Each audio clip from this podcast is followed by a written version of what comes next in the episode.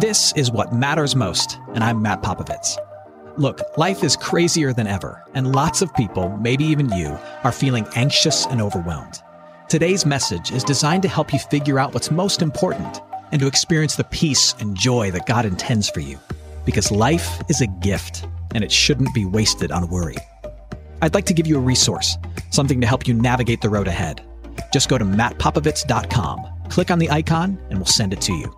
That's Matt, P-O-P-O-V-I-T-S dot com. And hey, if you happen to live in the Houston area, I'd love to see you on a Sunday morning at St. Mark in Spring Branch. Head to stmarkhouston.org to plan your visit. Here's today's message. Thanks for listening. Well, today we're continuing our teaching series that's taking us all the way through Advent up to Christmas called Comfort and Joy. And today we are focusing on the joy that only Jesus can bring, in particular this time of year. This time of year, in order to stir up as much joy as possible, there are certain stories we love to watch and certain songs that we love to sing. And if you are here this time of year on a desperate search for joy, then man, you have come to the right place because do I have a promise for you? And the promise is this, that joy is promised to you at Christmas.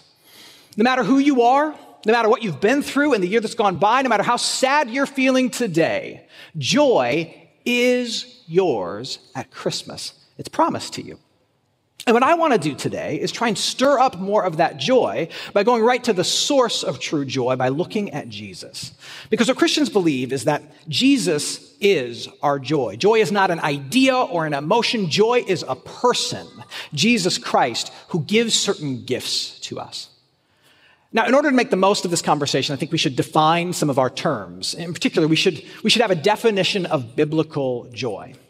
So, so my definition of biblical joy goes like this Joy is a settled contentment and confidence.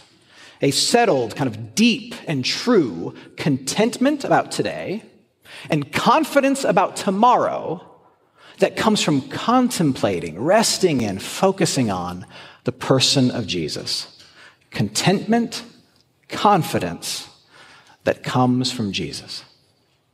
And so, what we're going to do is look at two verses in the Gospel of Luke where the angels announce the birth of Jesus and look at all that Jesus brings and trust that as we look at who Jesus is for you and for me, it will help us to rekindle and remember the joy that we have. So let's dive in. Luke chapter 2, starting at verse 11. The first thing we see is this that Jesus has come for all. Jesus has come for all. Look again with me at verse 10.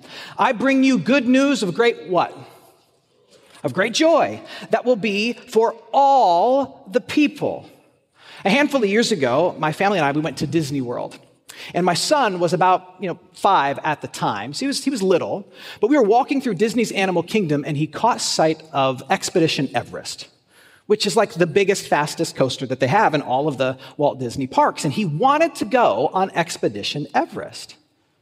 And so, me, being the good parent that I am, I looked at him and I said, Son, you can't go on that ride unless you're willing to walk on your tiptoes and go real fast past the entrance which he was more than willing to do, and so he did. And so I was able to take my five year old son on Expedition Everest. And the, and the other adults on that ride were looking at me much the way that you are looking at me now. They were sending me a vibe that said, You're a bad parent. Which I will, I will receive. But, but in my own mind, what I was saying back to them was, I may be a bad parent, but I'm a great dad. and sometimes you can't be both those things at the same time in order to be a great dad, I got to take my kid on this ride, which makes me a bad parent. Forgive me, Lord. I tell you that to tell you this. Despite two millennia, two millennia of a message of mercy and grace for everybody and anybody, there are still people in this world who feel like they are disqualified for the Christian faith, who feel as though they are too short to ride the ride, so to speak that they don't meet whatever requirements we must have. They say, well, I didn't grow up in the Christian faith, and so, so, so it's not for me, it's for people who, who grew up in it and who know it already. Or, or they might say, you know, I, I've done some crazy things that the church tends to reject. I'm doing some things that the church doesn't really agree with, and so I probably can't be accepted at the church. Or there are, they, there are those who say, look, I've been living all my life as kind of an angry unbeliever, and so it would be really, really foolish for me to come crawling to Jesus now. That would be kind of lame. I can't do that. There are lots of people, and maybe, maybe you know someone, or maybe you are that someone who says, look, for whatever reason, it's, it's just not for me. But the first thing you need to come to terms with is that Jesus has arrived. And in the announcement of his arrival, the angels make it clear he has come for all. He has come for everybody.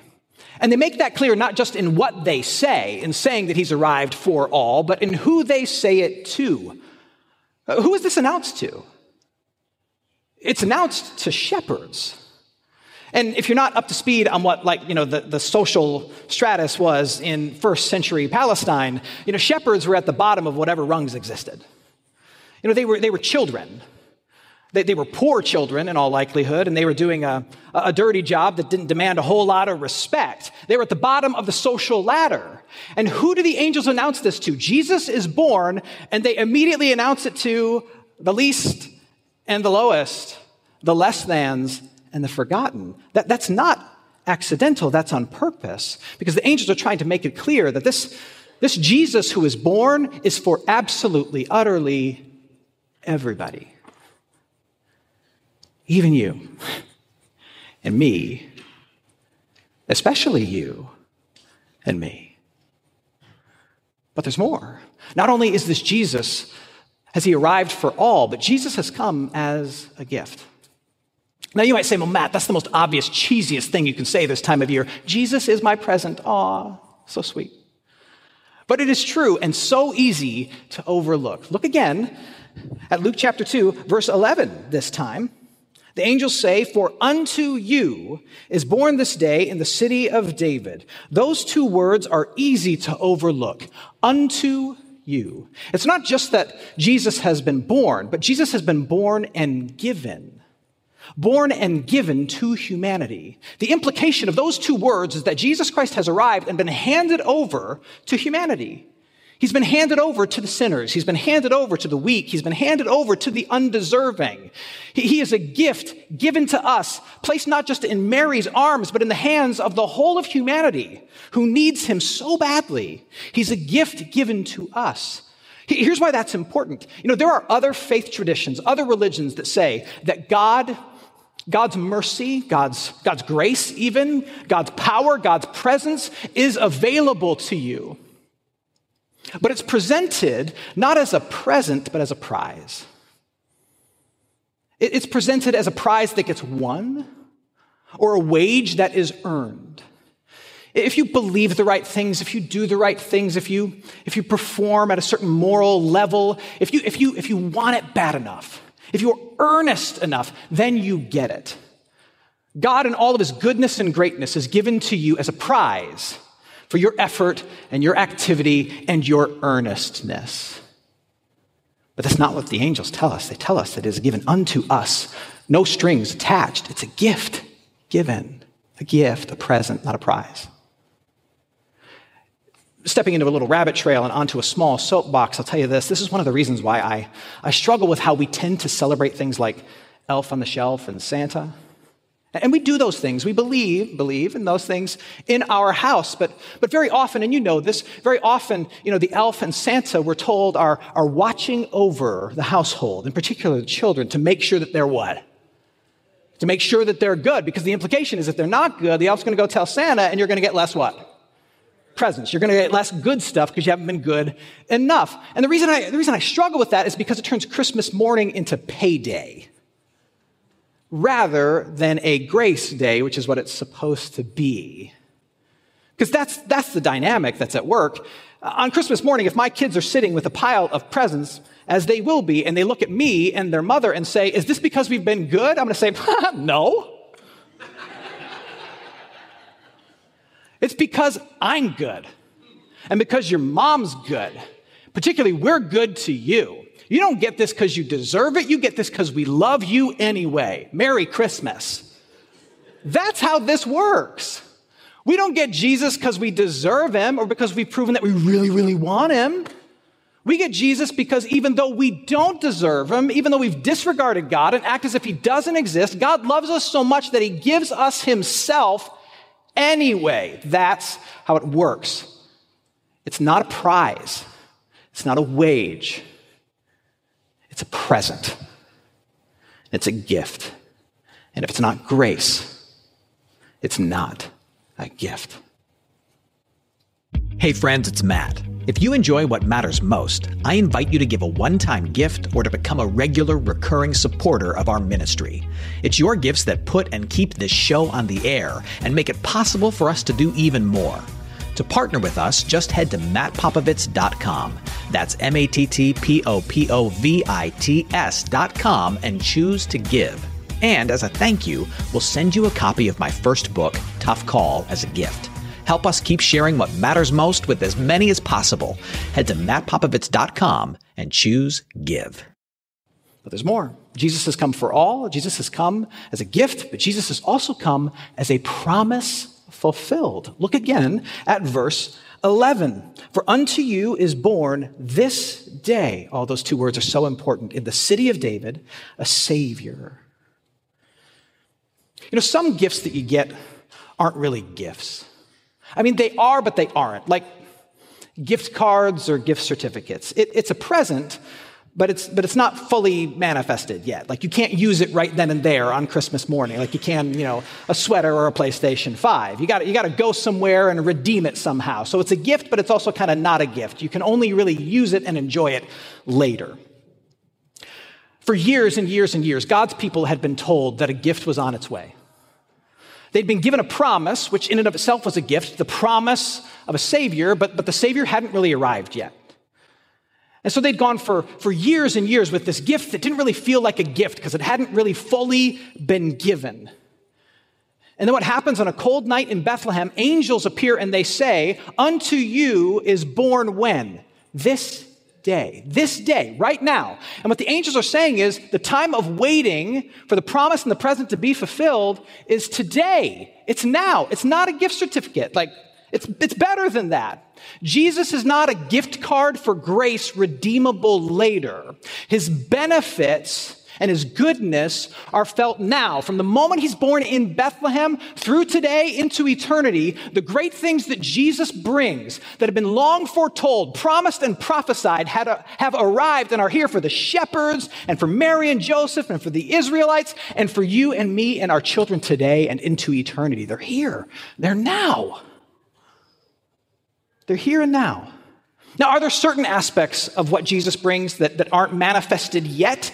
for sure. There are certain things that he's going to bring only when he returns.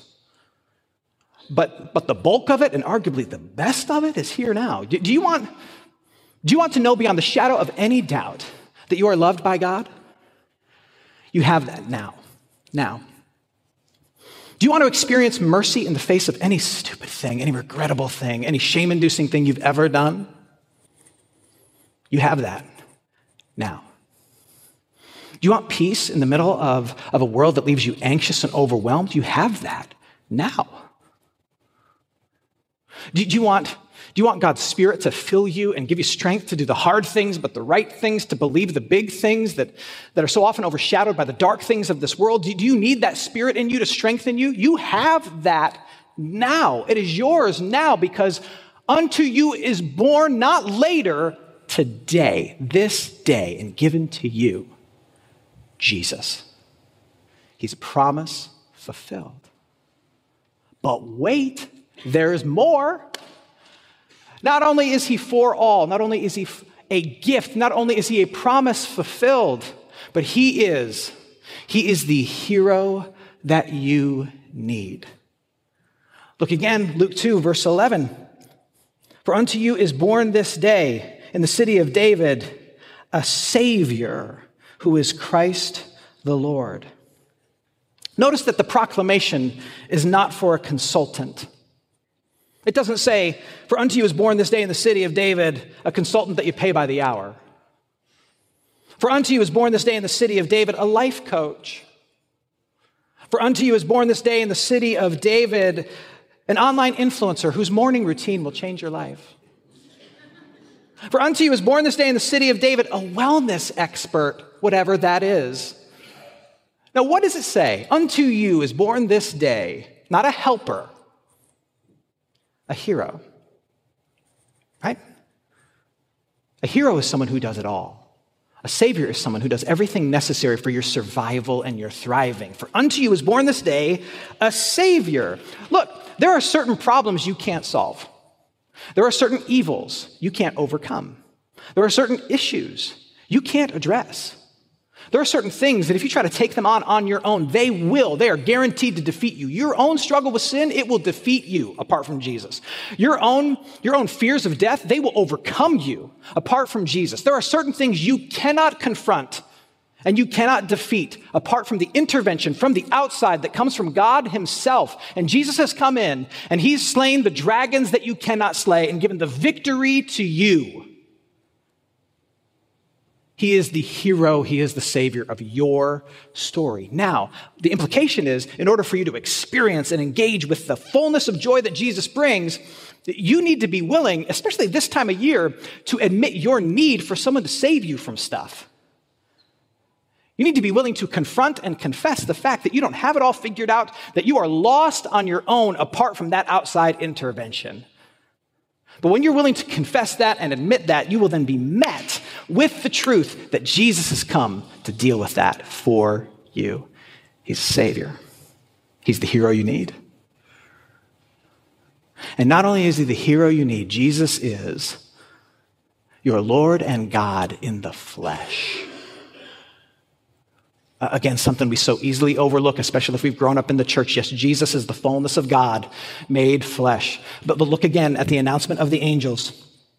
For unto you is born this day in the city of David a Savior who is Christ, the Messiah. That's what Christ means, the Lord.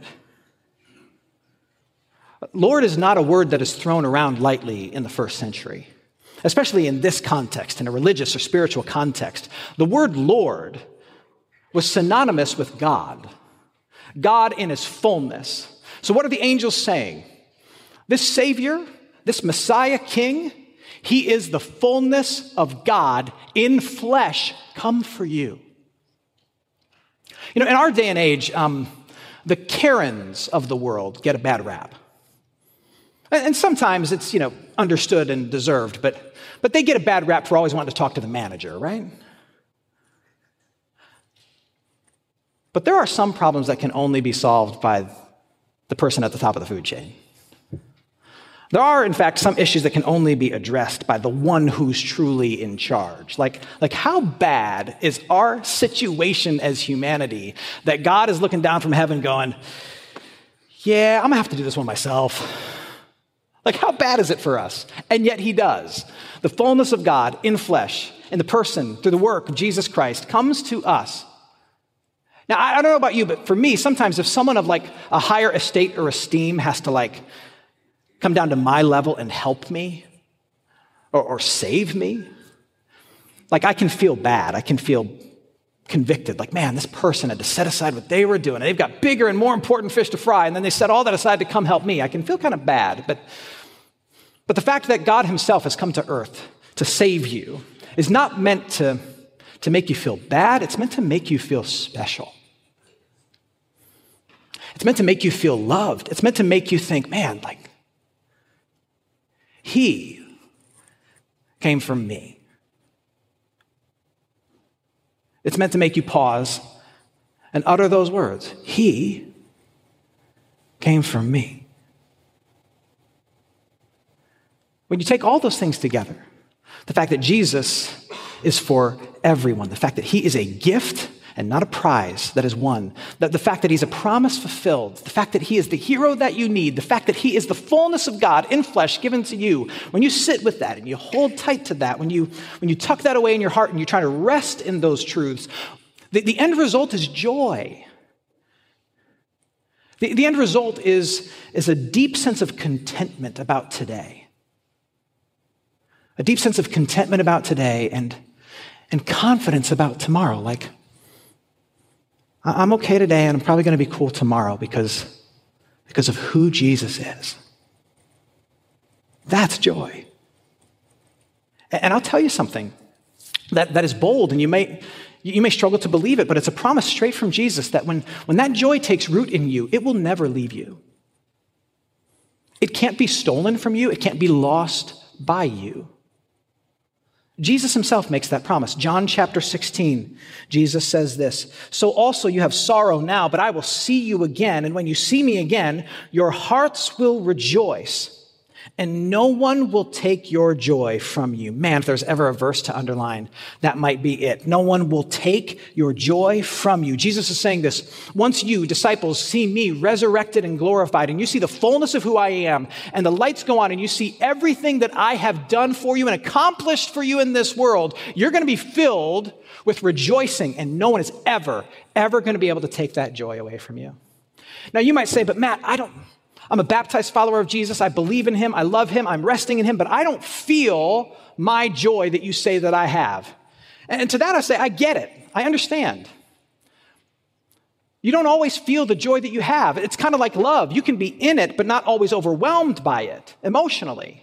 Just ask anyone in the room who's married. You can be in love, in love, but not necessarily on a particular Tuesday night feel love. But if you gauge whether or not you're in it by whether or not you feel it, you might be in love like once, twice, three times a month. Who knows? like on a Tuesday night where the kids are screaming about homework and you burn your hand pulling dinner out of the oven and then your spouse screams from the other room, I think I broke the washing machine. Are you in love then? Oh, yes, you are. You're in it deep. but, but are you feeling it then? No. Look, there may be a thousand different reasons why you don't feel joy, but you can still have it even if you don't feel it. You haven't lost it. You know what? What's probably happened, what happens to all of us from time to time, is the joy that you have in Jesus, it doesn't get lost, it gets buried. It gets buried under a thousand different things. It, get, it gets buried under the, the worries and fears of this world. It gets buried under, under misplaced priorities. It, it gets buried under the things that you thought were going to give you joy this time of year, like overcommitting at your kid's school or spending way too much money on presents. It gets buried under a whole host of different things. And your, your task, your opportunity in Advent is to say, look, I know I've got joy of Jesus in here somewhere, and I'm gonna, I'm gonna unearth it by trying to push some of these things that cloud it aside and focus on the one song, the one story that can hand it back to me, that can help me rediscover it and rekindle it. You know, in that same section of John 16, Jesus says, ask and it will be given to you. I will not withhold anything from you. You know what he's saying is ask the Father to rekindle the joy of the salvation that he's given to you. God will answer that prayer. Show me again how loved I am. Show me again how powerful you are. Remind me of all the promises that are true for me. Resurrect my joy from all the things that it's buried under by this broken world and this busy life. Resurrect my joy. Unearth my joy, Lord. I know I have it. Uncover it. Pray that prayer. My prayer for you is that when we sing the songs that really matter, like the first Noel or Joy to the World, that your heart would be opened in gratitude for the gifts that God has given to you and realize that it's given to you. And that Throughout Advent and Christmas, as we open up the scriptures and we hear about a manger or shepherds or a star, that you would, you would hear it not just as the Christmas story, but as your story that is for you. And it's a gift, and it's about your hero who's arrived, and it's about a promise that's been fulfilled for you, and it's about God who has come for you and that all of that might remind you of this deep, unshakable, unstealable contentment for today. It's gonna be okay. And confidence about tomorrow. I am in His hands. That you might say, not just joy to the world, but joy to my world. Amen. Hey, it's Matt. I hope you enjoyed what matters most. Here's what I need you to know life is a gift, and it shouldn't be wasted on worry. I want to help you figure out what's most important and to experience the peace and joy that God intends for you. So, for more content, you can head to mattpopovits.com. That's Matt, P O P O V I T S.com. There, you can also support this ministry as well as access your free resource, a little something to help you navigate the road ahead. I'd also love to see you on a Sunday morning. If you're in the Houston area, head to stmarkhouston.org to plan your visit. In the meantime, Hit me up on Instagram at mpopovits or at facebook.com slash Ministries. Thanks for listening. Now go and hold tight to what matters most.